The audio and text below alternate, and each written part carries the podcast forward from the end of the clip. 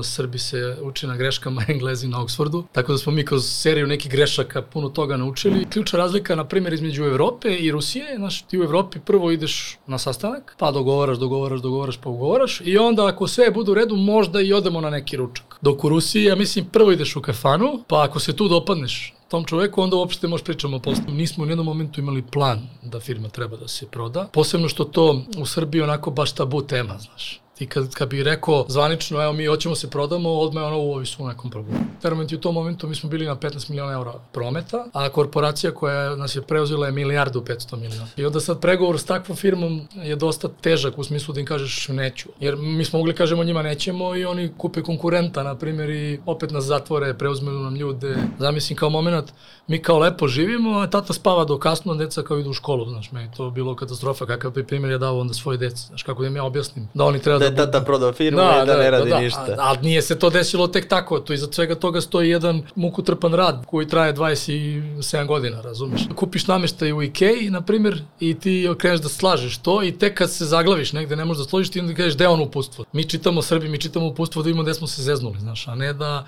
se spremimo unapred. Potreban ti je poslovni račun u inostranstvu, Pionir ima rešenje za to. Bez obzira da li se nalaze u Americi, Aziji ili Evropi, klijenti ti veoma brzo i jednostavno mogu platiti lokalnim bankovnim transferom i to u valuti koja njima odgovara. Zaboravi na beskrajnu papirologiju i brzo online registraciju otvori račun u regionu gde su i tvoji klijenti i to već danas. Radi globalno, plaćaj lokalno. Uz Pionir kreni odmah. Registruj se preko linka koji se nalazi u opisu ove epizode. Naučite kako da programirate, kreirate sajtove, razvijate iOS i Android aplikacije i steknete znanje i veštine sa kojima možete startovati uspešnu IT karijeru. Kvalitetno stručno znanje, sertifikovana obuka, raznovrsnost kurseva samo su neke od razloga zašto je Quantox Akademija lider u svetu IT edukacije. Odaberite neke od 11 kurseva i obezbedite sebi znanje koje vam pruže širok spektar mogućnosti za različite IT poslove. Ukucite kupon Biznis Price na njihovom sajtu i obezbedite popust dobrodošlice. Link se nalazi u opisu ove epizode. Naš partner je i kompanija za kućnu dostavu Volt. Dok gledate epizodu, častite sebe nekom dobrom klopom. Napravite profil na aplikaciji ili sajtu i ostvarite 3 puta 200 dinara popusta za prve 3 naručbine uz kupon Biznis Price. Dakle, 600 dinara popusta uz kupon Biznis Price. Link se nalazi u opisu ove epizode. Uživajte. Skaliranje, da i dalje neki ono level up. Ako ćemo da krenemo. Apsolutno, da, da. Učite iz grešaka. Biznis priče. Dobrodošli u novu epizodu najgledanijih biznis podcasta u regionu. Ja sam Vladimir Stanković. Danas sa nama Miloš Perović. Dok nisu prodali porodičnu kompaniju Termovent, bio je operativni direktor. I tu nastaju problemi, problemi meni za najavu, zato što je ušao u mnoge biznise, ušao u partnerstvo sa Mišom Lukićem u New Strategy, investirao u startupe, otvorio restoran, još neke biznise o kojima će nam pričati u ovoj epizodi. Miloše, dobrodošao u Biznis priče. Hvala, hvala na pozivu.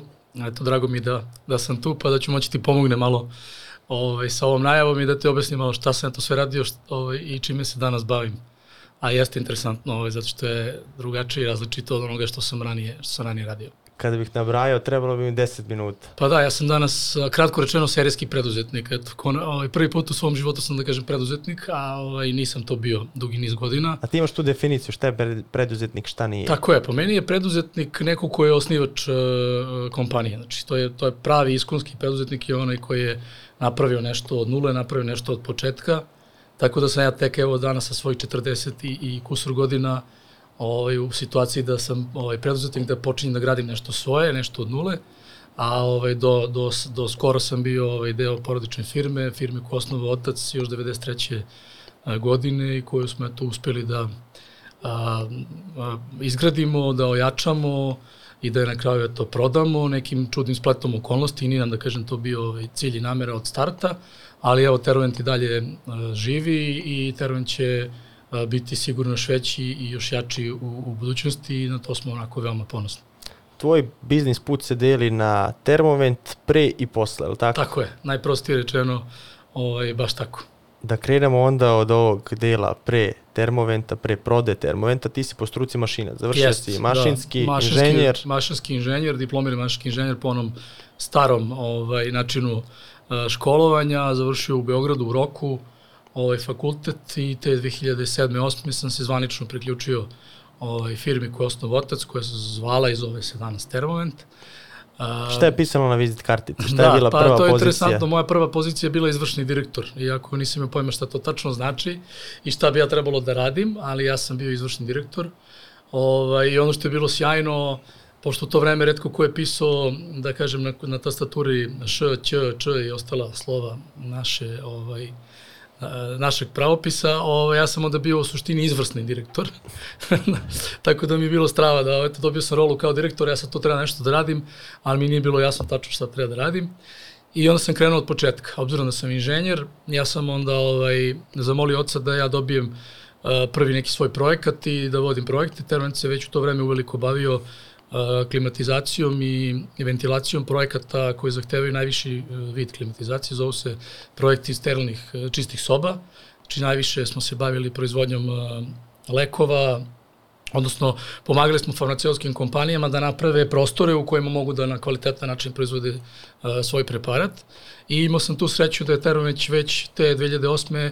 uveliko radio u Belgiji i Holandiji i imao sam priliku da radim na najzahtevnijim projektima van Srbije i ja sam ovaj tražio da, da praktično krenem od toga, znači da krenem da se bavim projektima i, i odmah sam ovaj 2000, ja mislim 9. imao svoj prvi veliki projekat u, u Holandiji gde sam imao, ne znam, 20 i nešto radnika na tom objektu i gde sam trebao da izvedem jednu onako jako kompleksnu uh, instalaciju koja je bila jako interesantna jer je bila malo drugačija od svega što smo do tada radili, a ticala se nekih laboratorija, to je bila laboratorija za ispitivanje različitih virusa, I morali smo da vodimo računa o tome da kad se otvore vrata od bilo koje te prostorije, sav taj vazduh ne izađe napolje, nego da uđe unutra, znači obrnuto. Nismo štitili preparat, nego smo štitili okolinu, zato što su se tu ispitivali virusi i nismo smeli da dozvolimo da bilo koji virus dospe u, u okolinu. Tako da sam ja dobio onako među prvim projektima jedan jako težak ovaj, projekat u inženjerskom smislu težak, a s druge strane to su bili moji prvi početci vođenja projekata, vođenja ljudi,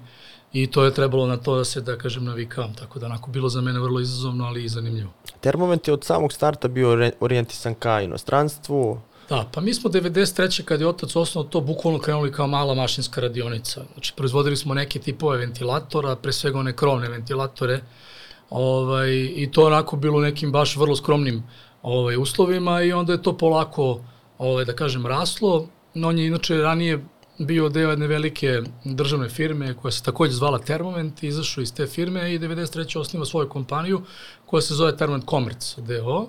To Commerce nam je kasnije smetalo jer nas ljudi nisu u marketeškom smislu doživljavali kao proizvođača, nego više kao nekog trgovca. Ali ovaj, to vreme je to bilo popularno. 90-ih su manje više sve bile firme se osnivale kao Commerce u nekom ovaj, nastavku, pa je tako i, i Termoment Commerce. On se trudio da zadrži to Termoment, jer su ljudi njega na tržištu znali kao Dušan Perović iz Termomenta i onda i mislim da je dobro što je to uradio. Termoment, taj državni je kasnije bio ovaj ugašen, tako da smo mi ostali praktično jedini taj Termoment koji je proizvodio nešto slično. Kažem, to je krenulo nekim vrlo skromnim a, uslovima, da bi firma polako rasla i negde 2003. godine mi dobijamo prvi projekat za kompaniju Hemofarm i prvi put se susrećemo kao firma sa praktično industrijom čistih soba, sa sterilnom proizvodnjom, sa time da trebamo vazduh da kontrolišemo u nekim strogim parametrima tipa temperatura, vlaga, čestična čistoća i tako dalje. I mi smo taj projekat uh, izveli uh, kao ono jedna od kompanija na tom projektu. Bili smo jedan podizvođač, ali smo taj naš deo izveli fenomenalno. Tamo smo, ovaj, pošto je to je bio prvi projekat da je eh, Hemofarm radio to po takozvanom FDA standardu, jer u proizvodnji lekova postoje dva svetska standarda, GMP, to je evropski, i FDA kao američki. Kada neka firma dobije FDA sertifikat, to joj daje za pravo da svoj preparat možda prodaje u Americi bez nekih daljih provera. Hemofarm je prva eh, srpska ovaj, kompanija koja to uspela da dobija, mi smo učestvovali na tom projektu kao jedan od izvođača. I tamo, ovaj, kad takav projekat završiš, moraš da angažuješ nekog spoljnog konsultanta da ti on proveri kompletnu instalaciju i da kaže da, ovo je po svim standardima FDA.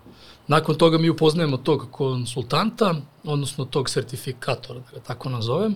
On se oduševio sa kvalitetom izvedenih radova i on nas preporučio jednom projektu u Belgiji, gde je otac odlazio, pa ja mislim, ono, on je pričao o tome na više puta, ali ja mislim preko ono 6-17 puta u Belgiju na sastanke, a u tom momentu i dalje u Srbiji postojale, mi smo bili po viznom režimu, znači nismo mogli tako lako ni da putujemo u Belgiju, odnosno trebala ti je čak tranzitna viza samo da prođeš kroz Hrvatsku, pa onda dodatna tranzitna viza samo da prođeš kroz Sloveniju i onda neka Schengen viza da bi mogao dođeš do neke Belgije. Pričam naravno ako ideš automobilom, jer vinski saobraćaj nije bio toliko razvijen kao što je danas.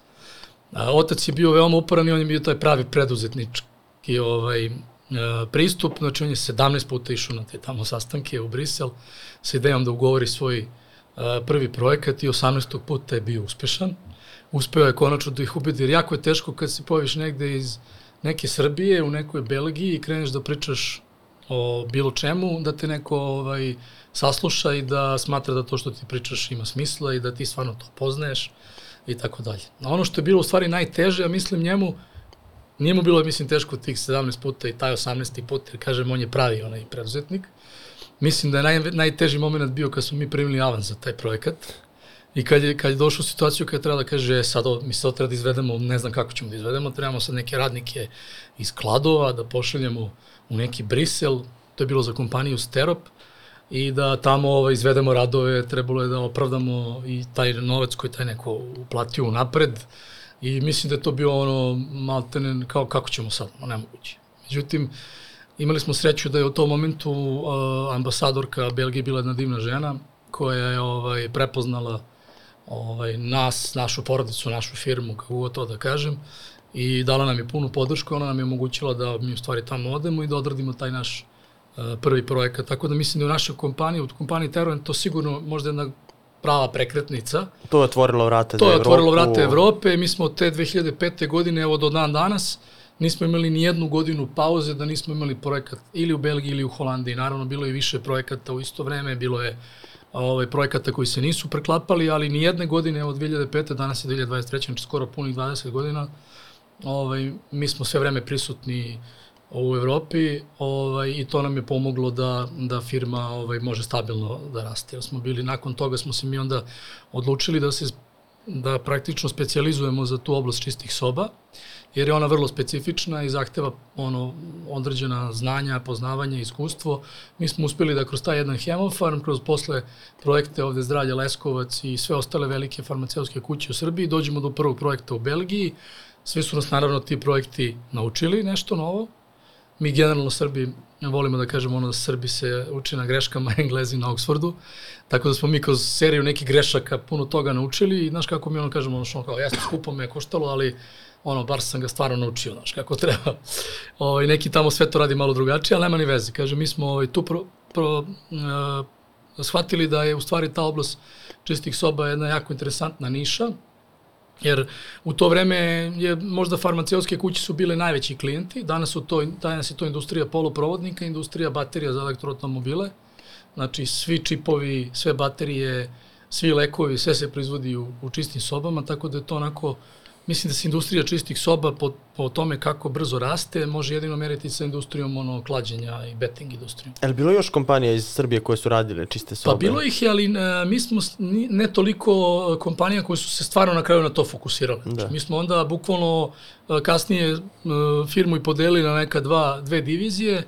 Jedno je bila proizvodnja i prodaja klima komora. Klima komora je uređaj koji služi za obradu vazduha na bilo koji način i onda smo te klima komore proizvodili za bilo koje objekte. Znači za hotele, za tržne centre, za sportske hale i tako dalje, ali smo u Srbiji prestali da se bavimo ugradnjom. Znači Terovent se kasnije više nije bavio uh, ugradnjom, nismo izlazili na tendere, jer smo shvatili da smo na taj način, pošto smo bili proizvođač, bili smo onda i sami sebi konkurencija. Jer ako mi trebamo kao proizvođač da našu klimu komoru prodamo nekoj instalatorskoj uh, firmi, a da onda ovaj, mi na tom istom tenderu i nudimo instalaciju, onda smo sami sebi bili konkurencija. Onda smo lepo odvojili te klima komore kao kvalitetan proizvod u koji smo ono kasnije puno uložili u smislu razvoja dodatnog i rekli ne bavimo se više montažom, ali, ali prodajemo taj proizvod za bilo koju vrstu industrije i pratimo te projekte na taj način.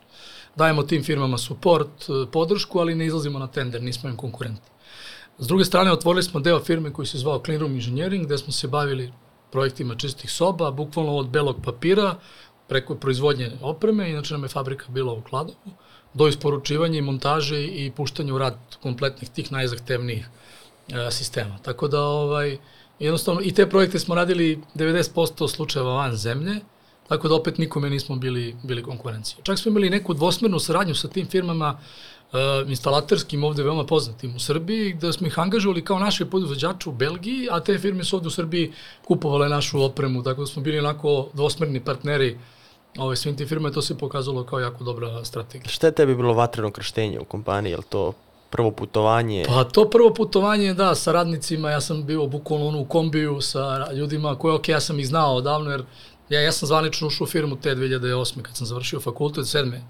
Ali, ovaj, naravno, ja sam bio prisutan tu i preko leta i tokom srednje škole radio nešto, ja sam sve te ljude poznavao i to je sve ok, ali moj prvi zadatak je bio da se ja izgradim kao neko ko vrede, ali ne zato što mi je Dušan Perović otac. Znači, ja nikad nisam teo se postavim kao taj izvršni ili ti izvršni direktor i da ovaj, uzimam te zasluge zato što mi je ovaj, vlasnik firme otac, nego sam ja teo da nekim svojim ponašanjem i nekim uh, svojim vrednostima pokažem njima ovaj, da ja vredim i da oni zbog toga mene treba da poštuju i cene i ja sam njih takođe cenio i veoma poštovao, jer su možda u tom nekom momentu za neke stvari ti ključni instalateri imali i veće znanje od mene. Mislim da se ne lažemo. Ti kad završiš mašinski fakultet u Beogradu, tebe ovaj ovde fakultet više sprema da ti budeš naučni radnik nego da te sprema da budeš inženjer u firmi. To je malo po meni loš pristup, više je teorija, manje je praksa.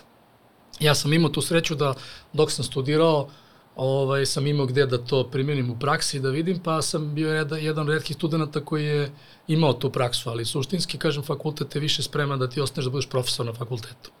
I onda dođeš na neko gradilište i onda tamo neki majstor zna bolje od tebe, znači ti se onako to, to te onako pogodi, znaš, dosta, ali onda kažeš, ok, aj sad idemo dalje i onda shvatiš da ipak ti treba da znaš više i znaš više, jer znaš tamo neke druge stvari, znaš zašto sistem stvarno tako radi, ali iskoristiš to iskustvo i, znaš, i tu su krenuli i praktično to prvo vođenje projekata, koji vodiš projekat je dosta kompleksno, od onih najprostijih stvari logističkih, koje mora da rešiš, gde ćemo mi da spavamo, gde ćemo da jedemo, gde ćemo da prostih stvari, ovaj, do onda komplikovanih sistema, izazovnih uh, projekata, imali smo projekte baš komplikovane u smislu tih safety-a, biosafety level 3, 4 i tako dalje, znači baš onako kompleksnih inženjerskih kompleksnih e, zadataka, ali eto, to je sve onako bilo, bilo interesantno. Prvi projekat, moj kompleksan je bio taj u Holandiji, gde sam ja eto vodio radnike i prvi put bio sam tamo, šest meseci sam živeo u Holandiji. Ovaj, to mi je bilo jako zanimljivo i izazovno. I bilo je zanimljivo, znaš kako mora handluš, dođemo na sastanak gde recimo sad jedna velika inženjering kompanija vodi ceo taj projekat i sad oni meni traže neki set dokumentacije koju ja nikad nisam čuo. Znači neki risk assessment, risk analiza, onda neki tamo standardi, neka pravila. Sad svaka zemlja, naš Belgija, Holandija ima neke svoje standarde koje ti, ti treba da upoznaš. One. Sad naravno, ja sve to pričam, važi da dostavit ćemo, nema problema, nema pojma šta mi traže. Znaš. To mi je bilo onako najkompli, onda kao šta ću sada da radim, ono. Međutim, izgradiš tamo odnos sa ljudima na, iz, iz te firme i ovaj, jedan holandjanin koji je vodio projekat, baš, znači firma se zvala Dishman, ovaj, Laboratories, ovaj, on je vodio projekat, bio jako simpatičan tip i njemu se dopalo zato što on je imao dosta izvođača tamo na tom projektu, ono, građevinci, instalateri za struju, mi koji smo radili klimatizaciju, tada u tom momentu mi se nismo bavili proizvodnjom samih panela čistih soba, to je radila druga firma, i sad tu je bilo nas 5-6 kompanija, jedino je on sa mnom imao komunikaciju koja je bila prosta, kratak nivo odlučivanja, Znaš, ne, nije, nije korporacija, pa sad on mora piše, pa onda ovaj šalje mail svom direktoru da li ima odobrenje da se uradi ovo ili ono, nego sa mnom je bilo mnogo lako da, da razgovore, njemu se to dopalo i mi smo bili onako, ja sam bio vrlo proaktivan, znaš, meni na tom projektu zafalio neki uređaj, ja sam seo u kombi, otišao u Nemačku, kupio uređaj, vratio se, završio te cevi koje sam trebao završim i take, gomila takih primjera je bila, njemu se to sve jako dopalo I ovaj, jednom prilikom priđe od meni, stvari organizuje sastanak svih uh, izvođača pred kraj projekta i kaže, vidi, projekat se bliži kraju, ovaj, mi treba da organizujemo sad ovde proslavu za zaposlene i ovaj, kako se zove, ja hoću da tu proslavu vi platite, izvođači.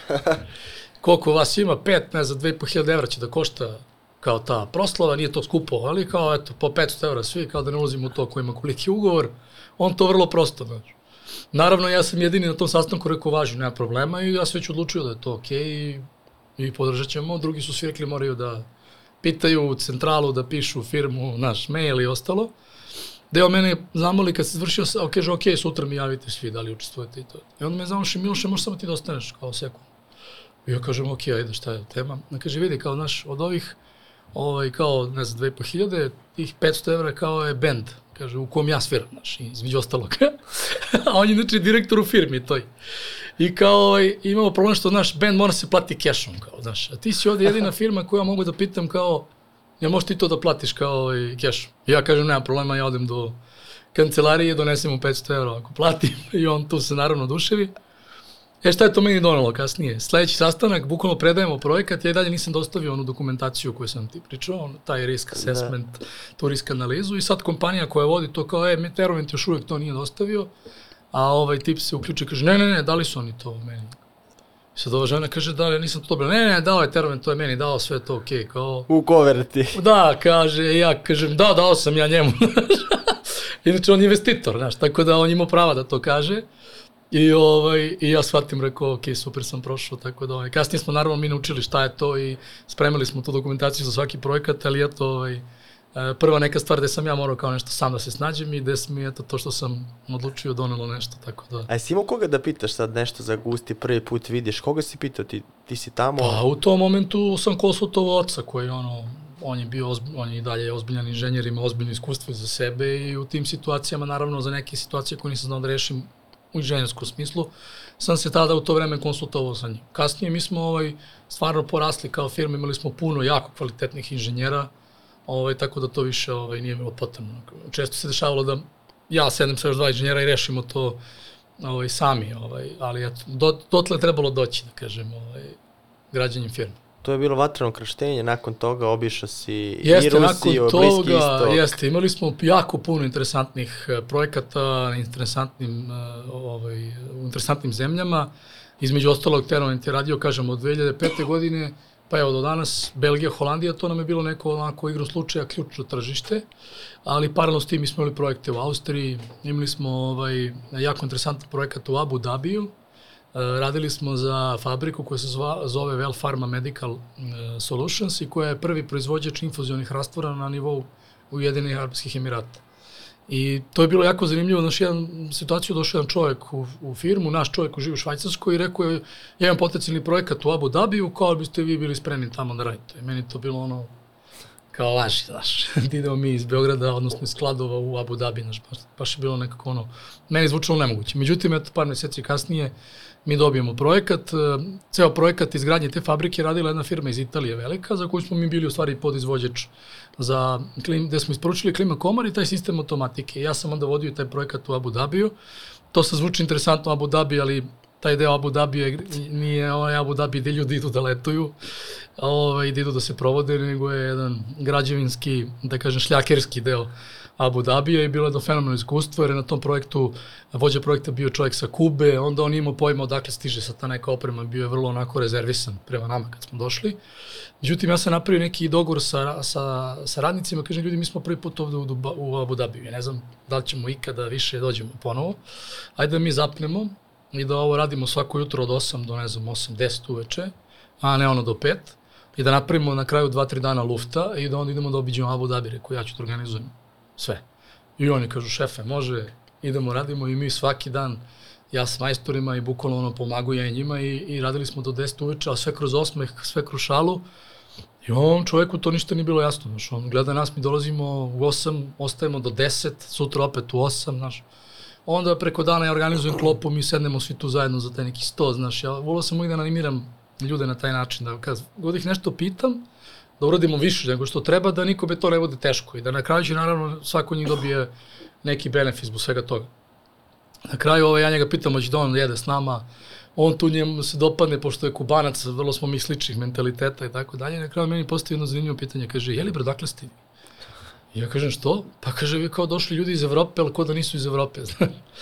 Ja kaže, vidi, nas Evropa neće primiti, znaš, tako da mi, mi možda jesmo ovaj, u geografskom smislu iz Evrope, ali ovako nismo iz Evrope i o, i zato se mi razumemo i zato, je, zato smo ti, tebi mi simpatični. Znači, tako smo mi počeli da se družimo i na kraju uspešno završili taj fenomenalan projekat. Ja onda rentiram ovaj, tri automobila, I mi dva dana obiđemo tamo ceo Abu Dhabi, ja sam vodio ljudi da vide i Zajdov u džamiju, išli u onaj Ferrari World, vozili se na najbržem roller coasteru. Ne znam, napravio sam onako i neku večeru u nekom fenomenom restoranu i, i svim tim ljudima koji evo dan danas žive rade u Kladovu za Terovent, ja mislim da je ono fantastično iskustvo i da se stvarno sećaju tog projekta kao jednog od, od ono najlepših, jer kao neki Terovent iz nekog Kladova je isporučio opremu i radio u nekom Abu Dhabiju, što stvarno onako zvuči interesantno. Ovaj, nakon toga, za tu istu firmu smo imali jako zanimljiv projekat u Kurdistanu, to je inače deo Iraku koji drže oni irački kurdi. Mislim da on ima neki status sličan kao naše Kosovo, znači nije zvanično priznat ovaj, svuda u svetu, ali je pos, ponaša se kao država za sebe. A šta ste radili tamo? Tamo smo isto radili za jednu farmaceutsku kuću, isto smo isporučivali opremu sistem automatike, ovaj, proveli tamo isto par meseci, ali to je bilo u gradu koji se zove Sulejmanija, koji je na 100 nešto kilometara od Mosula, u ono vreme kad je onaj ISIS ili ISIL, kako su već zvali, ovaj, te onu terorističku organizaciju, bio na 120 km od nas. Nas su tamo čuvali u toj fabrici sa puškama. I tamo ih nisi vodio obilazak. Vidi, tamo smo išli u obilazak te Sulejmanijice, tu malo, ali smo stalno imali obezbeđenje pored sebe i svaki ulazak i izlazak iz fabrike bio ono ko na filmovima, sa onim ogledalima su nam pregledali automobil, bilo onako stvarno ovaj, čudno, ali nekako, ne znam, mi Srbi se na sve naviknemo, znaš, na sve uslove ovaj, brzo. Ovaj, nakon toga, kaže, paralelno s tim, Termovent je već dugo bio prisutan u Rusiji, u Rusiji smo radili jako puno projekata, od San Petersburga preko Moskve do eh, Sibira, Novokuznjeck, Novosibirsk, eh, Bratsk, Irkutsk, tako neki jako interesantni gradovi koji su baš daleko. I tamo smo sve radili, ono, kompletno izvodili radove i išli sa radnicima i ja sam, eto, zapalo mi je par nekih e, interesantnih projekata, ali od svega ovoga što sam ja radio, mislim da mi je Rusija bila možda najkomplikovanija zašto? zbog njihovog mentaliteta. A kako, zar nije sličan našem? Da, pa nije. Ja mislim da to ono mi što pričamo kao mi Srbi, e, Rusi smo kao braća, naš, ja mislim da su nam Albanci mnogo bliži nego Rusi. Po mentalitetu sad će vratno neko da me ovaj... A, ovaj Ide vređalica zbog u ovoga, komentaru. Da, da, ide 100%, ali šta da radim, ja moram kažem šta mislim, tako da ovaj, oni su drugačiji od nas. Ja uopšte ne znam zašto mi jedne druge zovemo braća, ali nema ni veze. Pardon.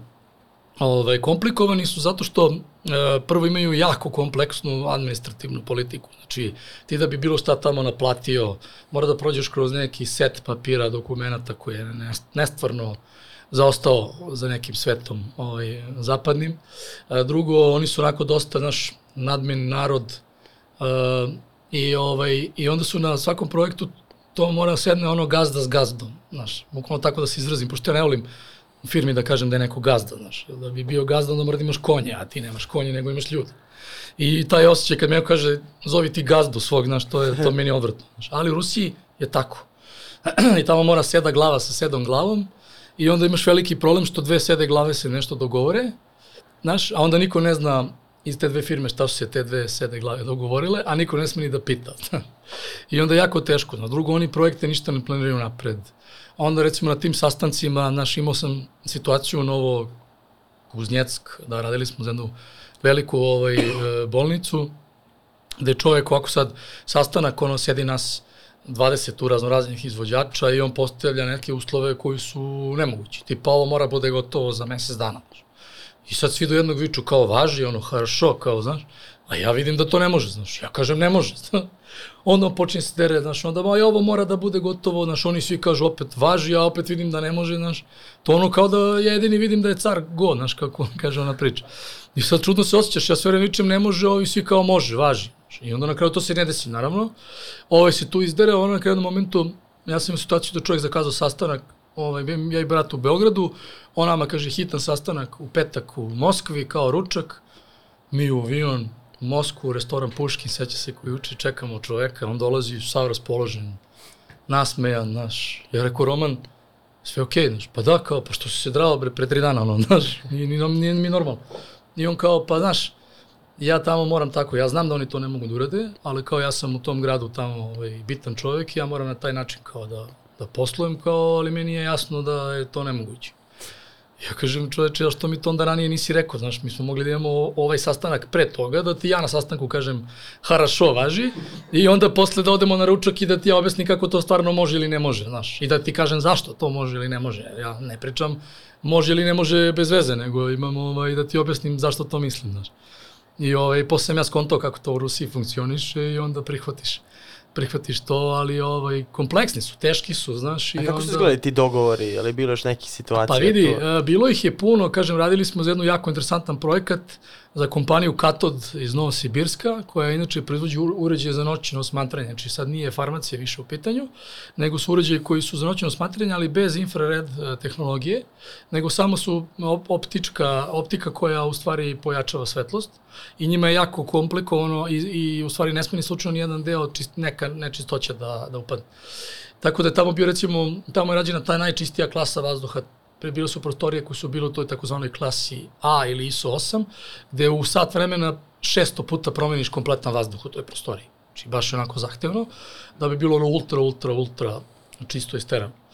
I ovaj, ali sam imao tu sreću što na tom projektu, recimo vođa projekta bio jedan divni čovek, ovaj, Rus, koji je bio fantastičan, koji je pre, perfektno pričao o, engleski, koji je veoma obrazovana osoba, iz koje sam se ja onako vrlo brzo nekako skontao, znaš, i onda mi je taj projekat onako prošao, prošao lako.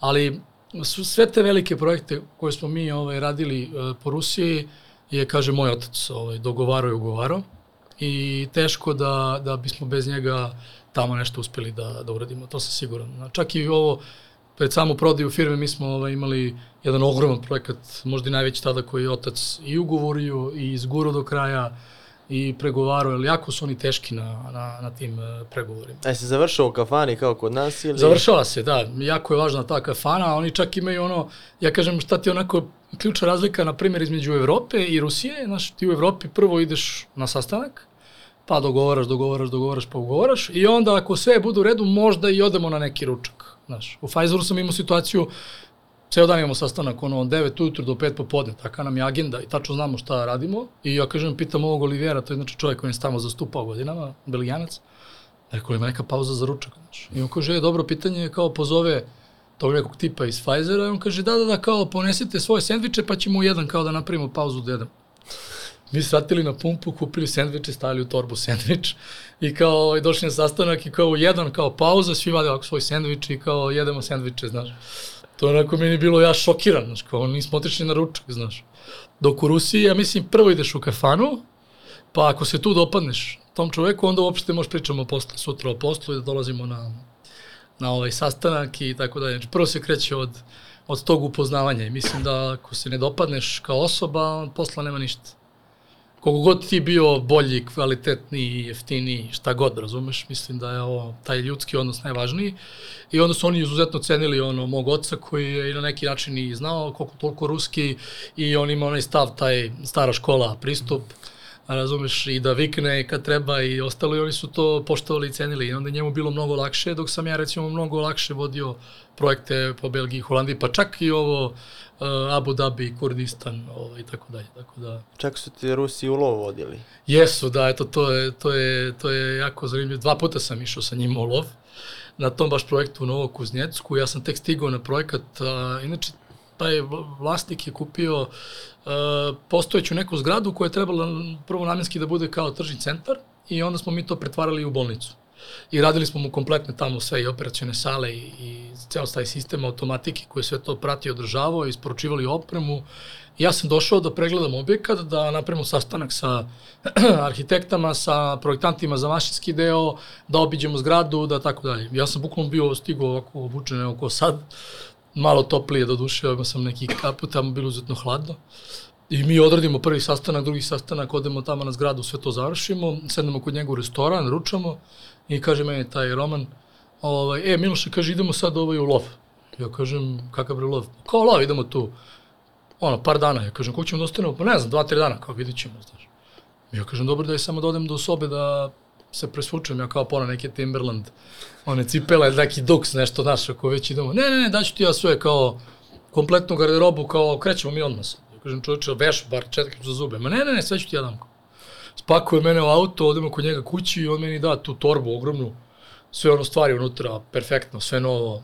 Ovaj, nisam ni znao da recimo Remington koji radi one puške radi i garderobu, na primjer. Sve ja dobijem to od njega, u torbi jednoj ogromnoj, da mi on pušku, da mi nož, da mi, ne znam, znaš, ono, ja u životu tri put pucao, ono, i nisam u tom nekom fazonu. I sedamo kao u džip neki, dolaziš drugari neki, pritom niko od njih ne priča engleski sem njega. Ja sa šest Rusa idemo u neki lov. 400 i nešto kilometara smo se mi vozili, neki Altaj se zove ta regija u, u Sibiru. Stigli tamo, ja pogledam na telefonu, nemam domet, znači ne mogu nikog da pozovem, nema, sig, nema roaming. Srećom, on je imao kod sebe neki satelitski telefon koji može zove samo Rusiju lokal i okrenem oca koji u tom momentu opet srećom bio ovaj, u Moskvi i kažem vidi ja sam negde u Sibiru, nemam telefon, ne znam ni kad ću kući i rekao samo javi ovaj, Miljani u, u Beogradu da me ne, ne zove, ne može da me dobije, ja ću se javim kad se vratim u civilizaciju. Stigli tamo, probudili se ujutru, ono bilo minus 26. I onda ovaj, ja se obučem tako kako se obučem, kao Miloše, šta ovo tebi trebalo je. Ali kao tu si desi, znaš, klijenti, ono moraš, znaš, šta ćeš. E, međutim, ja kad sam vidiš napolje tako obučen, ja vidim da je to stvarno ono okay, i meni je bilo to interesantno. Međutim, na momentu oni mene ostave na onu takozvanu čeku, znaš. Kao stave mene ovde, pa onda malo dalje ide neki drugi, pa tamo, znaš, treći i sad ide neko iza šume plaši kao životinju. I oni mi objasne kao pucaš u pravcu šume, pa onda ne ovamo jer možda upucaš kolegu, pa onda pucaš životinju da ode tamo, razumiješ? ovaj, I ostave oni mene tu i odu. Ja sedeo dva i po sata tako kao super obučen, ali na minus 26 i samo razmišljam, rekao, ono, valjda će ovi da me se sete, znaš, kao, da dođu po mene, znaš. Ovaj, međutim, eto njih ovaj, naišli i onda smo otišli neko drugo mesto, tamo našli te neke srne, uspeli da, da ovaj, ulovimo. Onda smo tu napravili te neke fotografije, slikali se i bili proveli još dva dana u tom delu i vratili se U civilizaciju. u civilizaciju, da, ovaj, tako da je to zanimljivo iskustvo. E, kad smo završili projekat, to je bilo dve godine, godinu i po dana kasnije, onda sam ja došao na svečano otvaranje, tamo sam bio baš ispoštovan, ozbiljno naša firma to stvarno izvela na kraju perfektno, oni su bili veoma ponosni na taj projekat, jer to stvarno onako bila baš onako high-tech uh, bolnica u Novokosnjecku i tom sinu, koji inače moje godište, to bio prvi neki veliki projekat, tako da se on kod svog oca tu dokazao kako je izveo to u roku i kvalitetu i onda su oni meni hteli da učine veliku čast i kad je bila ta velika proslava, oni imaju, inače imaju svoje hotele, imaju restorane, imaju svašta nešto. Ovaj, napravili su veliku proslavu, nakon te proslave opet se išlo neki njihov restoran i tako dalje, negde u jedan ujutru meni Roman taj kaže, e Miloše, kaže, sutra idemo u lov na medved. Kao ja, ti i moj, moj otac. Ja kažem, šta bre radimo, znaš, ko lov na medvede? Ja kažem, kakve bre medvede? Ne, ne, kaže, idemo, hoćemo da ti upucaš medveda, kao da ti učinimo. Ja kažem, čoveče, šta bre ako promašim? Kakav, ne, ne, ne, kao ne brini, idemo helikopterom, kao to je very safe, naš helikopter ima dva motora, ti ćeš kao iz helikoptera da ovaj, upucaš medveda i kao, znaš, ja rekao, ovaj se šali, rekao, važi, ovaj, to je bilo, ne znam, tipa jedan ujutru, znaš, tu se već i popilo nešto, rekao, znaš, to je to. Međutim, ovaj, ja ujutru ustao, doručkujem, zvoni mi telefon, kaže, čekate ovaj, vozač ispred, pokupi on mene, odveze me neki streličarski centar, tamo stoji helikopter, mi u helikopter, odemo onda helikopterom po njegovog oca, sletimo mu u dvorište, znači ono, bukvalno kao na filmovima. I odatle opet na taj Altaj, tu regiju, dva sata u jednom pravcu ovaj, helikopterom i onda je otac krenuo da, imali smo ove sluške svi, i onda otac krenuo da navodi pilota ovaj, gde treba da ide, u smislu evo ga trag, evo tamo sveže. Jel To je bilo negde ono, kraj zime, početak ovaj, proleća i onda kao ni još, nisu još medvedi izašli i mi smo ih jedno dva sata tražili i na moju sreću nismo našli medveda. Ovaj, tako da se to završilo s tom helikopterskom vožnjom, sta, shvatili u sred Sibira, tu popili neki čaj i vratili se ovaj, nazad. Na kraju smo, ovaj, ja se istuširao, došao na sastanak i onda smo krenuli da pregovaramo o nekim naknadnim radovima. Ono, kao da ništa nije bilo, kao da nismo bili uopšte vama. Ali ja ne znam da bi bio u situaciji da bi mi uopšte da bi mogo da upucam takvu neku životinju, tipa medved, vuk, tigar, ne znam, prema takim ovaj, životinjama neki osjećaj, ne, i drago mi što nismo našli ovaj, medveda, ali eto, bilo zanimljivo, zanimljivo iskustvo. Bilo je bezbedno i tu si rekao, Bilo je bezvedno, sve je super, ali... Eto, daj mi Evropu. Daj, da, tako je. Imao smo mi neki interesantan projekat u Saudijskoj Arabiji. Uspeli smo ovaj, kao firma da ugovorimo jedan jako zanimljiv posao zajedno sa jednom srpskom firmom.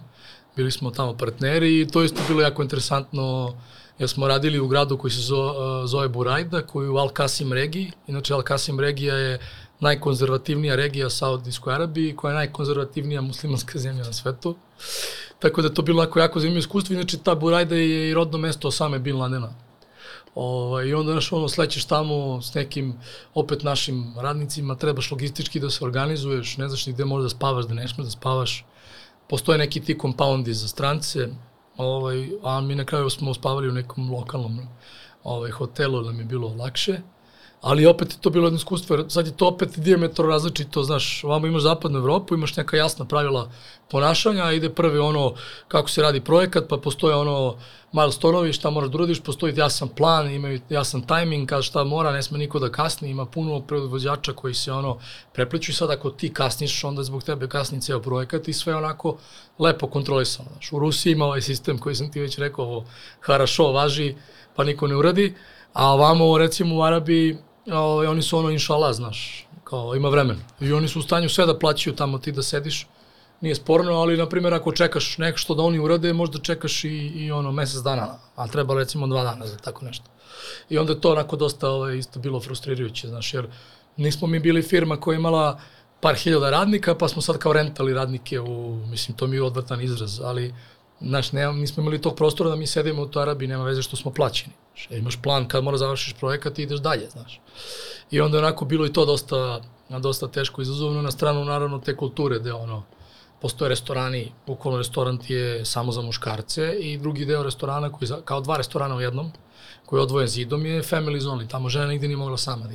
Meni čak bilo interesantno da u tržnom centru haljine prodaje muškarac, a žena dođe da kupi haljinu zajedno samo sa svojim mužem, ne može nikada sama i tako. Tako da to bilo, i svi su onako u, u crnom žene, u belom muškarci, onda mi jedini bili normalno obučeni, pa ti to onako sve čudno i tebe gledaju čudno, ali eto, na sve se nekako navikneš, ja sam i tamo imao upoznao neke lokalci, neke ljude, steku prijatelje i probao imao jedno fantastično iskustvo u toj zemlji, tako da nemam baš nikakvu lošu ovaj, situaciju ili bilo šta loše bi se tamo desilo. Zanimljiva je stvar, pošto imaš i brata, kako ste ti on podelili funkcije? Kad Jeste. je otac prepustio... Pa da, ono što je zanimljivo bilo, mislim da Terove stvarno spada u mali broj e, domaćih firmi da su uspeli stvarno uspešno da sprovedu tranziciju sa prve na drugu generaciju. Kažem, ako je prvi neki veliki korak e, u termonom poslovanju bila ta 2005. i taj izlazak van Srbije, odnosno Evropu, a drugi korak je sigurno bilo 2015. godina, kada je, da kažem, brat pre svih prepoznao da u firmi nešto mora da se sredi i da mi moramo da krenemo u pravcu neke profesionalizacije, da moramo da angažujemo neku pomoć sa strane, pa smo onda razgovarali sa raznim konsultantima, to je dosta teško, jer znaš kako posebno e, osnivači, preduzetnici, znaš, oni su u fazonu ono, da on zna bolje od mene, onda bi on imao fabriku, a ne ja, znaš. I onda je jako teško da ovaj, saslušaš tako nekog konsultanta koji treba nešto ti pomogne. S druge strane, brat je, kažem, skontao da nama treba pomoć, jer mi u tom momentu, znaš, ono, radili smo svašta, radili na svim projektima, imali posla preko glave, novac je dolazio, sve to bilo super, ali bez ikakve organizacije, zavisilo od e, malog broja ljudi i tako dalje. Znači, jako je bilo opasno da može da se sruši, kogod e, delovalo ovaj, tada velikom, pričamo o momentu kad smo imali negde stotinak zaposlenih, možda malo manje. U tom momentu otac dobije i nagradu Ernst Young preduzetne godine, od, od Erste Younga i mi odlazimo da prezentujemo, predstavljamo Srbiju na svetskom izboru predsednika godine u Monte Carlo, a paralelno s tim ja od Srpske asocijacije menadžera dobijem nagradu Mladi menadžer godine, mi angažujemo konsultante i krećemo u taj proces profesionalizacije. Nama kada je došao Boris Vukić i kad je rekao meni bratu da će to da traje tri godine, a mi bili u fazonu to dva, tri meseca, nego dođe nešto nam ispriča i kao sad smo mi profesionalizovani, razumeš? On čovjek rekao tri godine, a to je posle trajalo 5-6, u stvari traje i dalje. Mislim, jer ono, firma je živ organizam, ti možeš da izvadiš ono krvnu sliku na današnji dan i vidiš da tu nešto od parametara nije okej, okay, i onda ili piješ lekove ili zdravo jedeš ili se zdravo a, ponašaš u smislu treniraš i tako dalje i onda ponovo vadiš krvnu sliku da vidiš kakav si, tako isto i sa firmom. A, firma je živ organizam, ona zavisi i od toga da li raste, zavisi od tržišta na kom poslu, zavisi od nekih spoljnih faktora, tipa svašta ti možda planiraš, ali desilo se korona, pa nam je sve promenilo u poslovanju. Ili desio se rat u Ukrajini, pa nam je sve promenio u poslovanju. Ili ne daj Bože, u tom momentu kad smo mi radili puno u Belgiji, Holandiji, Austriji, da je uveden vizni režim, sva naš posao pada u vodu i tako dalje, i tako dalje. Tako da je to živa stvar i onda ti skontaš da naravno mora da se stvari organizuju i mi smo uspeli da ono stvarno postavimo našu ono misiju i viziju i da organizacijnu strukturu odradimo kako treba i da u stvari naš prvo i kad smo teli tu kao organizacijnu strukturu da uradimo sami, shvatili smo da mi ušte nemamo metodologiju kojom trebamo da dođemo do toga. Znaš kako? Od čega treba početi? Naravno, kao i svi, krećeš od ljudi koje imaš, što je vrlo pogrešno. A u stvari ti treba kažeš, ja za pet godina hoću da radim to, to, to i to, hoću da mi klijenti budu ti, ti, ti, ti, hoću da se bavim ovim i ovim, na ovom i ovom tržištu i tako dalje. I onda za to, što si rekao sebi, praviš strukturu koja treba to da podrži. Pa onda tek uzimaš ljude koje imaš, pa im nalaziš mesta u toj strukturi gde oni mogu da da budu i dešava se, recimo, nam se dešavalo da kad smo postavili novu strukturu, da su neki ljudi imali ono dva, tri šešira, da tako kažem, da su vodili po dve, tri funkcije, ali sa jasnim ciljem da za godinu dana će da to prepuste nekome drugom, znaš. Ove, jasno se znalo. Ove, tako da su nam oni jako puno pomogli, ja sad kažem, pošto i otac dobio tu nagradu, onda mi počnemo da radimo sa Ernst Youngom reviziju, onda nam oni dodatno sređuju, da kažem, taj finansijski deo, iako je možda u tom momentu nama nije trebao Big Four da nam radi audit.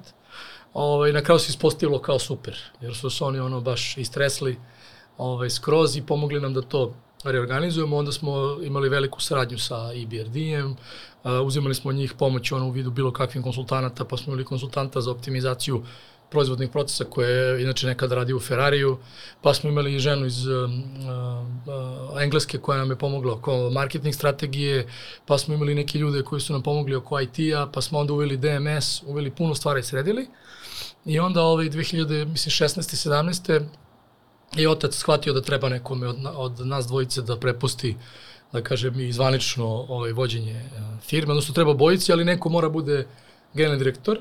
To me naravno bilo jako teško da, da ovaj, sam odluči, ali onda to dao nama kao zadatak, a brat i ja smo se jako brzo ovaj, e, dogovorili da on treba da bude generalni direktor. Kako ste se to dogovorili? Pa vidi, zato što e, to već pričamo od 2017. Znači ja već 10 godina radim zvanično u firmi, prošao sam puno projekata iza, ja sam bio mnogo eksterno posvećen ono prezentovanju firme, rad sa klijentima, vodio te projekte, putovao često i tako dalje i ja sam to dobro radio i, i prosto sam uživao u tome. Dok je on, od prvog dana od kad je došao u firmu, on se bavio proizvodnjom, našim proizvodom, optimizacijom svih procesa, I ono kako je on rekao isto u jednom od podcasta, ono, on je bukvalno, dogovorili smo se da on preuzeo taj, kao me nazove, ministarstvo unutrašnjih poslova, ja kao ministarstvo spoljnih poslova, znaš.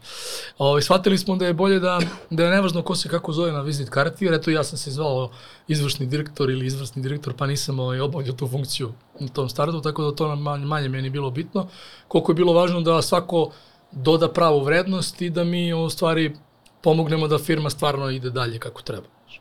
I, ovaj, i ništa smo to sopstili, on je to ovaj, prihvatio, Andrija postaje generalni direktor, mi dalje nastavljamo sa a, profesionalizacijom. Nismo u jednom momentu imali plan da firma treba da se proda, posebno što to u Srbiji onako baš tabu tema, znaš. Ti kad, kad bi rekao zvanično, evo mi hoćemo se prodamo, odmah ono ovi su u nekom problemu a niko neće kupi ni pokvaren auto ko bi onda kupio ovaj pokvarenu ili lošu firmu. Tako da to je kod nas bilo posebno u tom momentu tabu, a s druge strane mi stvarno nismo imali to kao neki plan. Mi smo firmu stvarno sređivali jer smo shvatili da jedino na taj način ona može dugoročno da, da raste i da traje. Ima ona čuvena knjiga, ona koja kaže ono, what got you here, won't get you there.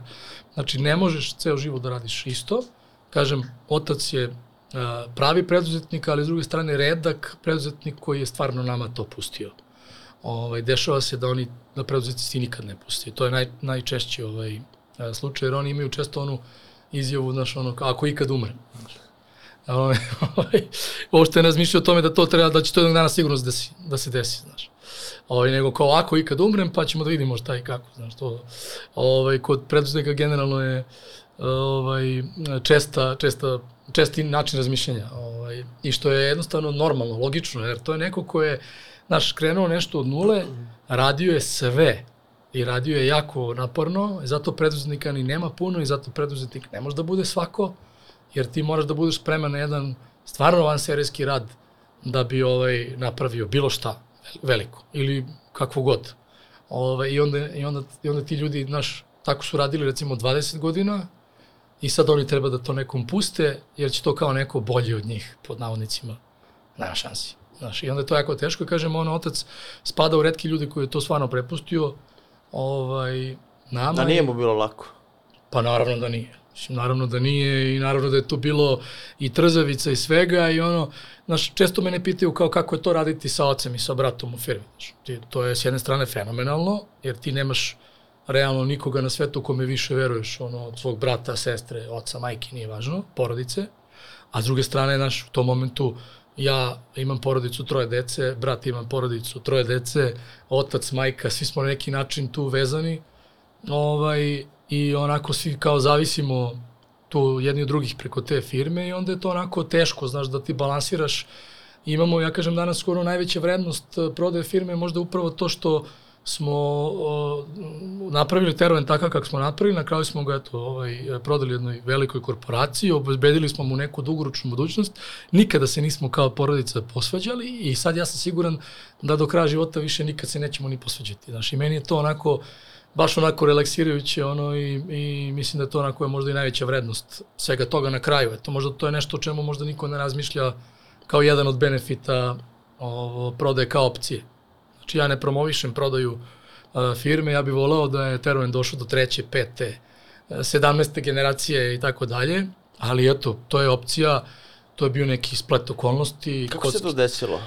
Mi smo bili kontaktirani putem Ernst Younga, znači uh, austrijska korporacija, Austra, ova švajcarska korporacija je odlučila da širi svoje poslovanje na tržište jugoistočne Evrope, tražili su kompaniju poput naše, ovaj, oni su kontaktirali Ernst Young švajcarsku, koji kontaktirao Ernst Young Srbiju, mi već radili CYM dugi niz godina, bili im poznati i ja dobijem poziv kao biste vi prodali firmu, ono, ko, ko iz vedra neba, znaš.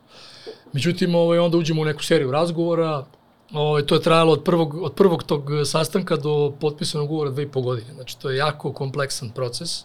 Naravno, to je korona dosta usporila se, taj, taj moment desio baš kad se desila a, i korona, ali ovaj, Na kraju smo naš, imali, ja sam imao tu sreću što sam ono dugi niz godina član Srpske asocijacije menadžera, bio sam i dva mandata u upravnom odboru i poznavao sam jako puno i dalje poznajem naravno jako puno ovaj, uspešnih ljudi, što preduzetnika, što menadžera.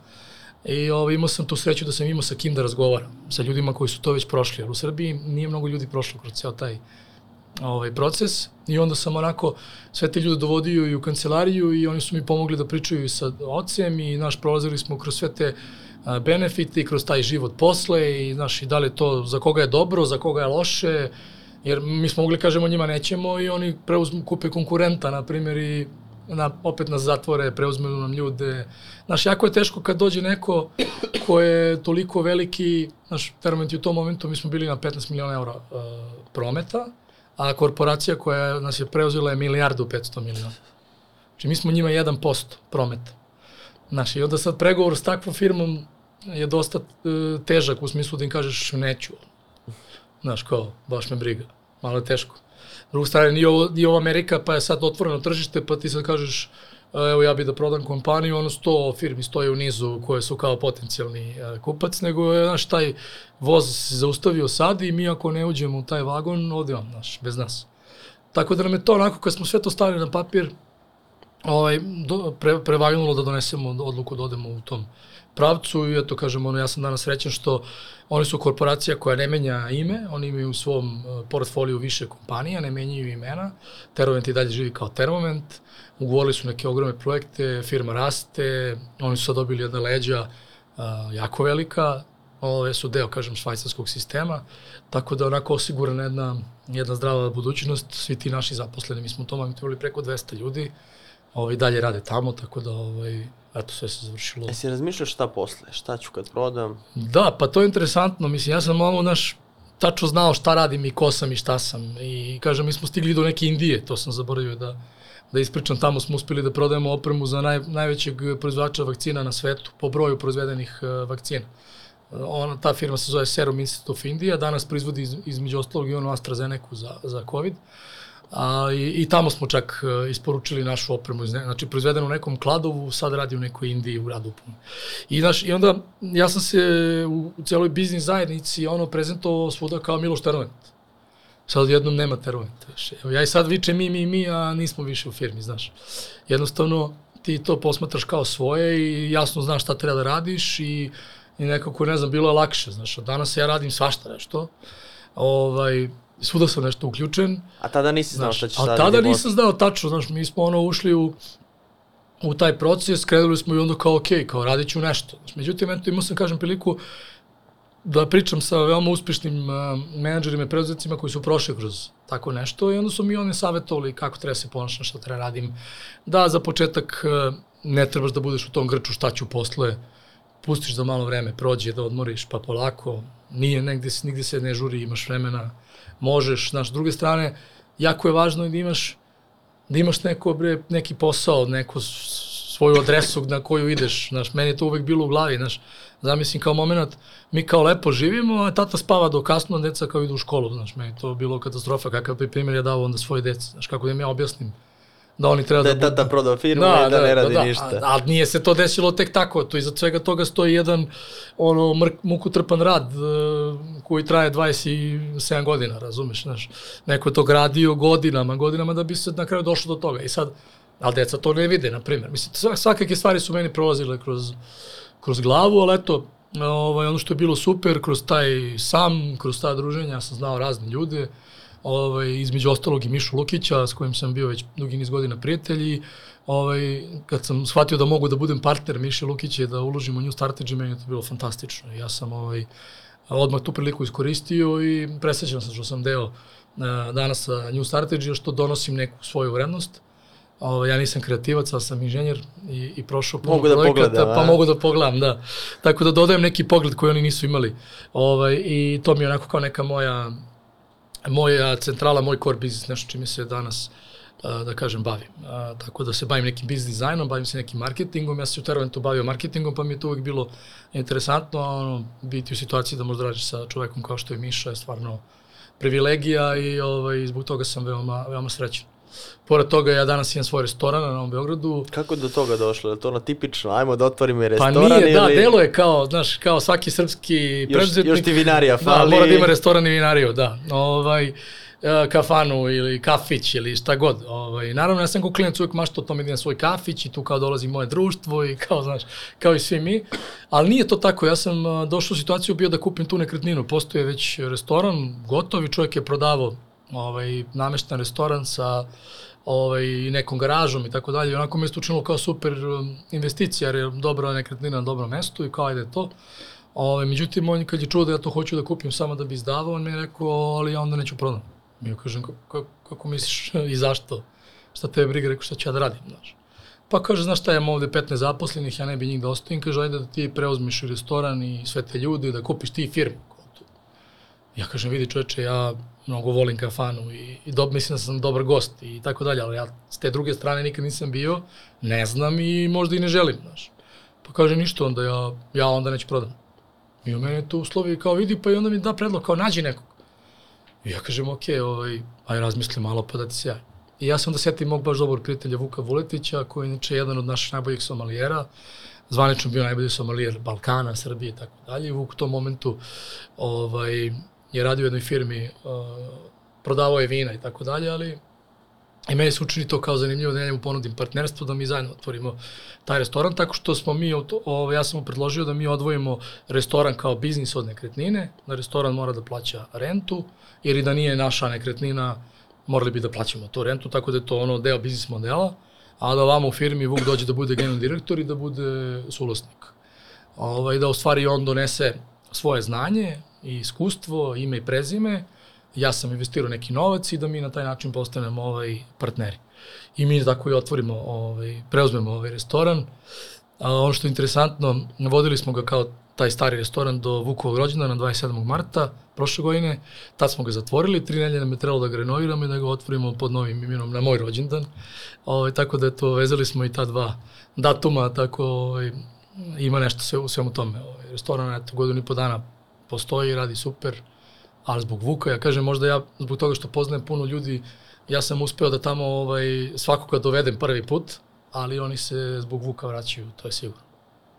I to je primjer ono uspešne te priče. Pa Ve- jeste, Većina ljudi da. uđe u te, da kažemo, restorane, ugostiteljstvo, ali kao nešto neki biznis sa strane. Ne znaju i- ništa o tome, realno, s druge strane, to je krvav posao, jako delo je lagan, naš, naš restoran ima 36 mesta unutra, baštara mi je malo veća, ali mi imamo skoro 15-16 zaposlenih, znaš, to, ljudi ne kapiraju da, je tu, i- da to ono, ozbiljan posao stoji iza svega toga, da to što ne izgleda tako kako, kako bi ljudi, ljudi sve što gledaju sa strane, to deluje lepo, deluje lako, znaš, ti Novaka Đokovića kad gledaš, on, on deluje da on mnogo lako udara onaj reket, pa uzmeš sam reket, pa shvatiš da ne možeš da prebaciš mrežu, znaš.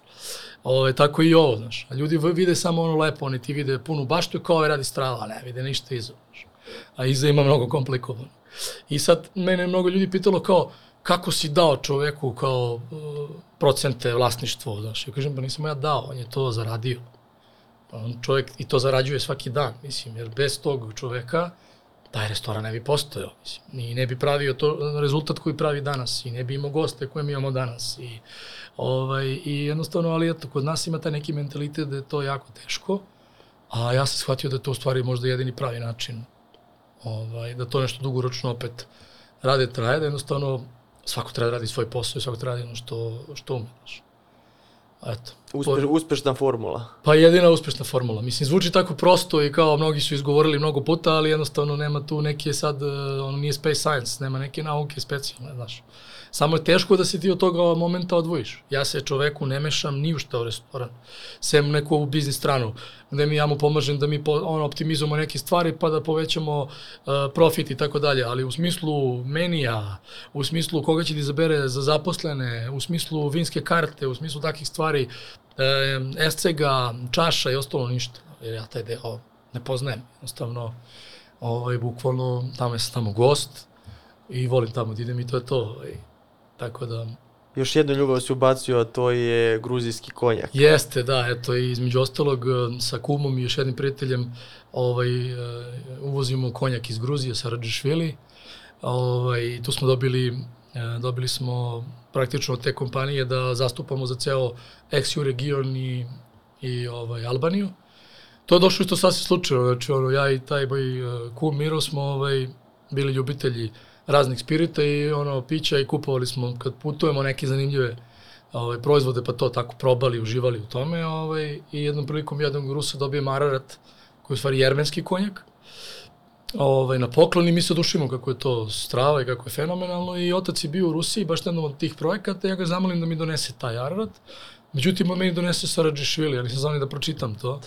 Ja kažem, šta je bro? Pa kao nije bio na jermenski, ovo ti je gruzijski, to ti isto kao, znaš. Međutim, mi se odušimo više, ono, ko je ovo, to je ludilo, baš je strava, ukus fenomenalan. Malo, malo nakon toga mi ugovaramo kao Teruent jedan projekat u Gruziji, baš u Tbilisiju, u vreme covid i ja sam trebao tamo da odem na kratko, ali nisam mogao da odem jer e, postala su ona pravila da i sa PCR testom ako sletiš u Tbilisi mora budem dve nelje u karantinu, a zbog moja dva dana mi se to nikad nije isplatilo. Međutim, ja sam tamo imao inženjera i radnike koji su vodili taj projekat I ovaj, ja zamolim tog Petra da ode u radnju, da nađe taj Saradžišvili slika šta sve ima i da mi donese nešto. I on donese nezanimljive te proizvode, mi se tu fasciniramo i dođemo na ideju kao ovo je bilo super da se kao uvozi i prodaje kod nas, jer je stvarno prelepo.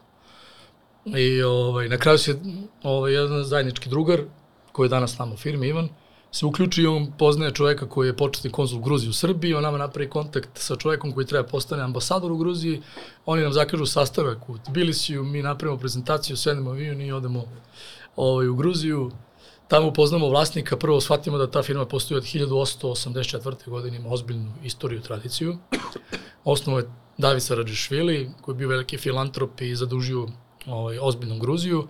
Međutim, 1922. godine to se nacionalizuje zato što je Gruzija potpala pod Sovjetski savez. A, zemlja menja ime u Tbilisi Brandy Company i to tako traje do 94. godine kada ova porodica koja je danas vlasnik to privatizuje, vraća ime Saradžišvili, čak su organizovali da se mošti Davida Saradžišvili i njegove supruge prebaci sa tog nekog groblja koje je bilo tamo nekom zapećku u centralni manastir u Tbilisiju i Ovaj, to je bila velika povorka i oni su zbog tog gesta i zbog toga što taj brend jako mnogo znači ovaj, Gruziji, ovaj, veoma voljena i cenjena porodica tamo i dan danas.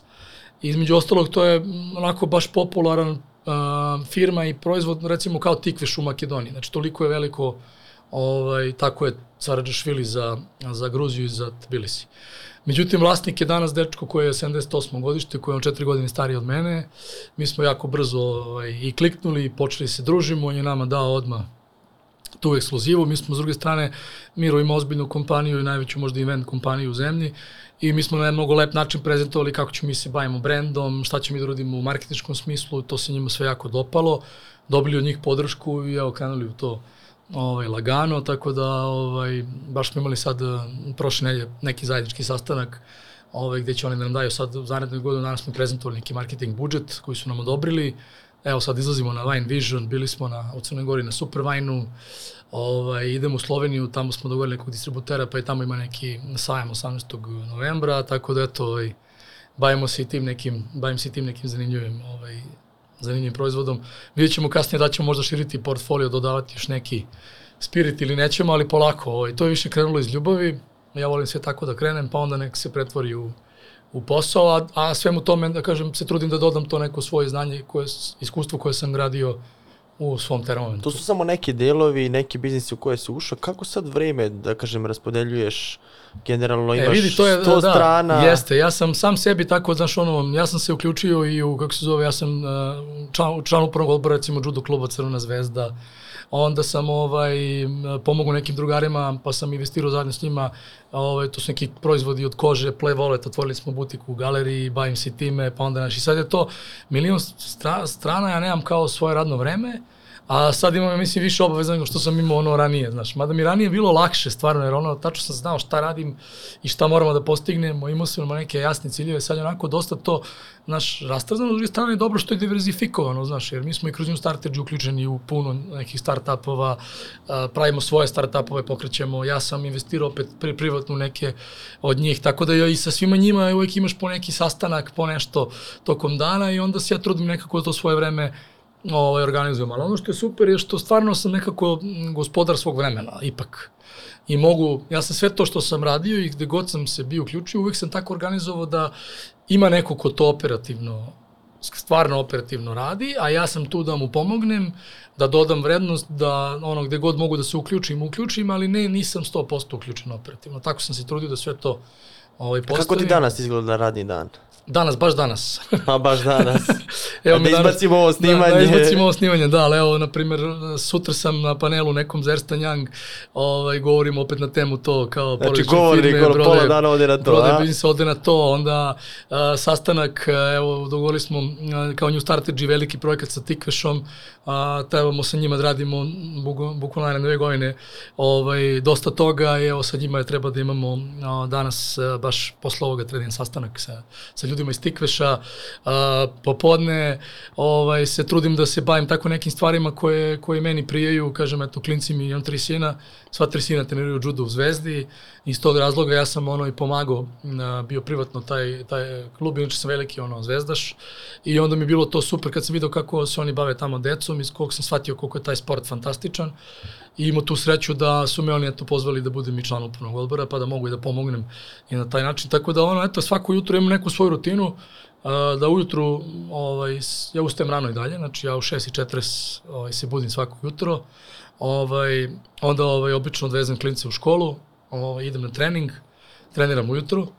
Ili ako nemam trening, onda imam tu neku kafu sa nekim prijateljima koja je uvek u 8.00 i ovaj, nakon toga meni počinje dan. E onda sad dani se razlikuju da li se danas bavim, uh, ovaj, da li imam nešto sa Vukom da treba da prođemo oko restorana ili idemo u New Strategy pa tamo prođem zajedno sa Mišom šta se ima od projekata. Inače smo mi otvorili firmu u Dubaju pa sam ja bio aktivno uključen u to i evo sad u četvrtak letim za, za Dubaj tamo moram nešto da, da overim vizu, popi, potpišem neke dokumente, krećemo i tamo polako da, da se širimo pa sam tamo operativno sve vodio i tako da eto onda sve to nekako e, brzinski, ali je meni super zanimljivo, da ja uživam danas baš iskreno uživam. Inače, brat pokreće jedan isto ogroman projekat koji sam se ja priključio, tako da ćemo sad ponovno da imamo neki svoj porodični biznis ovaj, i meni je jako drago zbog toga, ono, pomažemo jedan drugog i to je sjajno.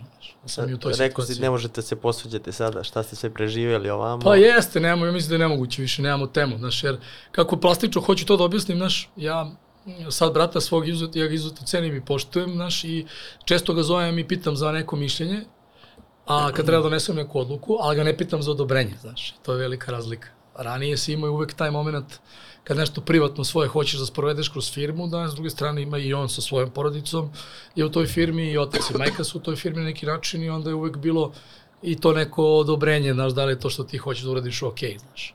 Ako nije direktno naravno vezano za ovaj biznis kojim se termin. A šta su vas savjetovali sada? Ti imaš decu, brat ima decu sad za postavljanje budućih firmi, kako da to krenete? Da, pa vidi, ja sam imao tu sreću da sam stvarno ovaj, prošao dosta toga sa raznim pametnim ljudima vezanim za porodične firme i to je nešto čime ja danas želim da se bavim.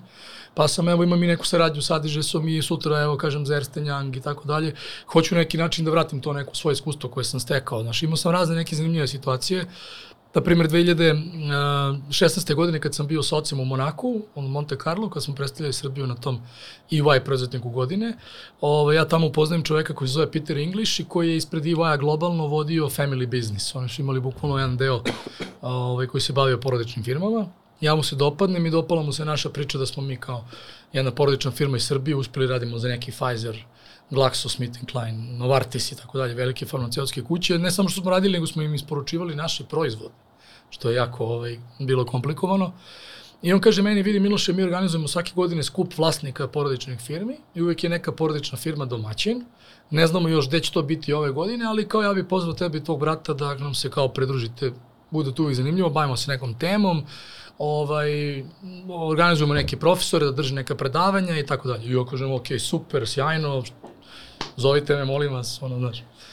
Odem, to je bilo u junu, ja se vratim kući, zaboravim ja na to generalno, istiže meni mail u septembru, E, Miloš je kao ovaj, ovde Peter English, upoznali smo na, u Monaku, kaže, slušaj, ove godine je domaćin tog skupa je porodica Lamborghini u Bolonji, pa kao da li biste ti, bra, želi da dođete? Znaš, ono kao, neko ko je ono baš ljubitelj automobila, kao zovete, ono nestvarno zvučalo, znaš, kao idemo u Lamborghini.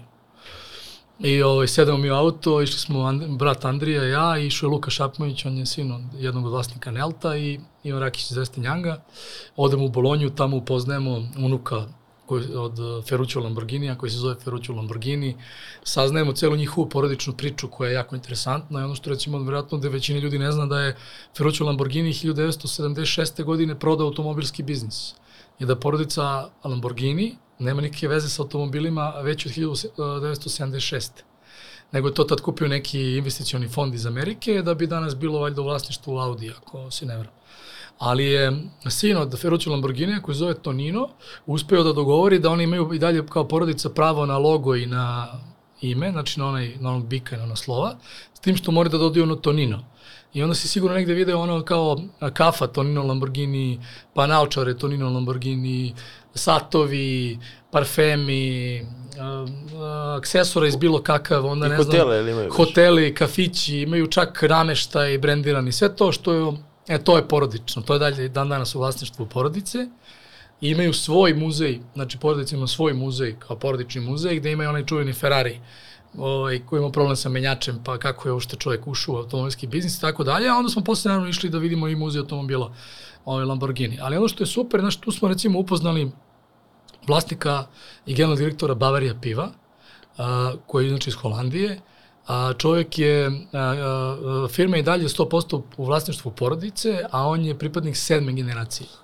Znaš, i ti onda kao shvatiš, ono, kad bi još, ta, kod nas je to realno nemoguće, zato što se firme prvo osnivale 90-ih, to je prvi problem, ovaj, a s druge strane i porodica kao institucija je malo ovde drugačija nego u Evropi, tržište i sve ono što se nama dešavalo nam nije to omogućilo, ali Znaš, ja bih mnogo volao, na primjer, da je Termin stigao do sedme generacije, da je dalje 100% u porodici, samo što je kod nas to jako teško i, i neizvodljivo. Par godina kasnije ja sa suprugom ovaj, išao obilazi ono Toskanu, znaš, Vuk nam je pomogao, tamo nas je ono najavljivo svuda po svim tim vinarijama i imali smo onako baš dobar tretman da smo imali onako privatno prezentovanje ovaj, svega toga i odemo na kraju u čuveni Antinori koji ovaj, postoji 26 generacija. 1320, ne znam, nisam zapamtio tačnu godinu, ali... I onda se vratim kući i kažem, ono, znaš, ja se divim ovim ljudima koji, ono, rekao si, pokrenu ili restoran ili kao otvore vinariju. Znaš, kao se zasadimo ja i ti vinograd, ovaj, a ovamo vinarija postoji 26 generacija, znaš, i onda kao, Kao malo ćemo imaju, ih. malo su u prednosti, znaš. Ovaj, tako da pod neke stvari jednostavno traže vreme i sad, kažem, vrat, ispričao sam sve ovo, sam što da kažem da ovaj, sam kroz sve te, ta moja putovanja koja nisu bila vez, usko vezana za profesiju kojom sam se bavio, shvatio da je u stvari taj uh, moment porodičnih firmi jako važan i da je jako važno da na vreme neke stvari planiraš, što mi generalno kod nas u Srbiji ne radimo. I onda su nas se lepo savjetovali, to je bilo naravno u momentu pre nego što smo izašli iz Teroventa, da ukoliko planiramo da deca jednog dana uđu u Terovent, ovaj, da to trebamo danas da planiramo. Jer danas imamo nas dvojica šestoro dece koje su mala i koje su ono sva ista. I onda mi danas treba da, da, da, da napišemo neke uslove tipa mora završi tu i tu školu, mora završi taj taj fakultet, e, mora ne znam da radi ne znam toliko staža da napravi ovde, onda je stekne ovo, završi taj kurs, ovu obuku, onu obuku i da tek onda stiče pravo da operativno ulazi u firmu. Vlasnički on će imati deo pa će imati deo, ali operativno bavljanje firmom mora se definiše unapred. Zašto unapred? Zato što onda kad dođe do tog momenta, onda roditelji obično zažmure na jedno oko kad su deca u pitanju, a ovako kad kažeš jebi ga, ovo su napisali brati i stric pre 20 godina, tu piše da mora ovo, ovo i ovo i nema ljutnje, znaš, onda ovako, kasnije jedno dete jednostavno možda je rođeno kao fotograf, kao sportista, kao lekar, kao, znaš, ga. jednostavno ga ne zanima firma, ili bi on volao da ga zanima, a nema kapaciteta da ga to zanima, na primjer, onda to roditelji sebi neće priznaju, a ovako lepo stoje tamo neki uslovi napisani pre 20 godina. Ja mislim da ta zapadna Evropa postoje po, po tom ovaj, sistemu i da između ostalo, naravno, kad odamo na stabilno tržište i sve ostalo, oni imaju tu šansu da traju duže. Kod nas je to teško i ono što sad jednostavno dolazi taj moment da firme su ostavljene 90-ih, naš prirodno ono, ti vlasnici imaju 70 i kusur godina i jednostavno nešto s tim firmama će morati se raditi. Da li je to uh, tranzicija na drugu generaciju, da li je to uđenje profesionalnog menadžmenta, da li je to prodaja, da li je to reorganizacija, profesionalizacija, nešto mora da se uradi hteo, ne hteo. Znaš, tako da je to sad meni neka zanimljiva tema koja, koja, koja, kojom bi ja volao da se između ostalog i time ovaj, neki način bavim. Šta bi volio da si znao ranije u karijeri, u biznisu, da te neko posavetovao? Da postoji nešto što bi volio da si znao? Pa vidi, ja bih jako volao da sam mogu gledam u budućnost. To, znaš, ono, kao da vidim se unapred.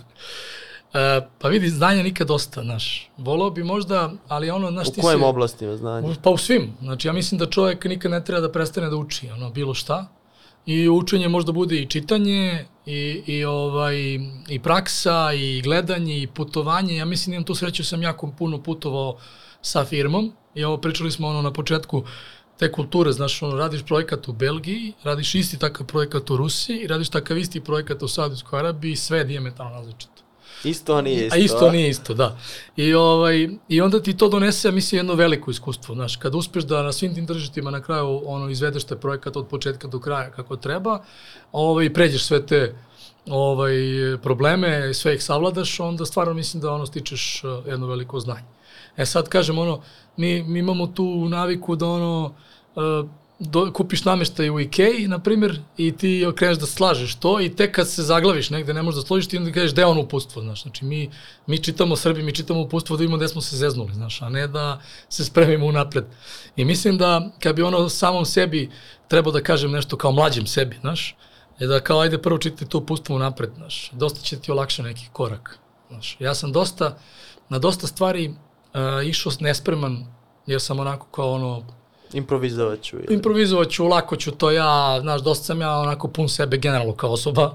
Mogu ja to bez problema, to je za mene laganica, znaš. I onda odeš nespreman i onda se zakomplikuje, znaš. A da si se u stvari pripremio lepo, onda je sve lakše.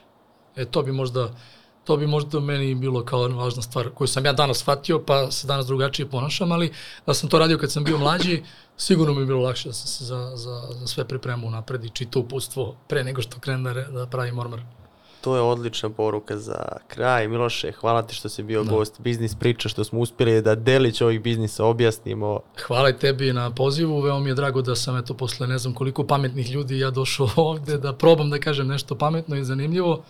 Mi nismo bili toliko ogromna firma u smislu ovaj, financija, ali mislim da to što smo radili za te velike kompanije poznate svetske kompanije, to što smo iz nekog kladova uspeli da svoje proizvode šaljemo u neku Indiju i to što smo na kraju uspešno napravili i tranziciju i prodaju, mislim, bilo dovoljno vredno. Zaokružena da, priča. Zaokružena neka priča, da, i eto, ako sam ovaj, uspeo da, da to podelim sa tobom i sa, sa ljudima koji ovo prate, ovaj, veoma mi je drago i još jednom veliko hvala. Hvala ti na tim lekcijama, a mi se vidimo u narednoj biznis priči.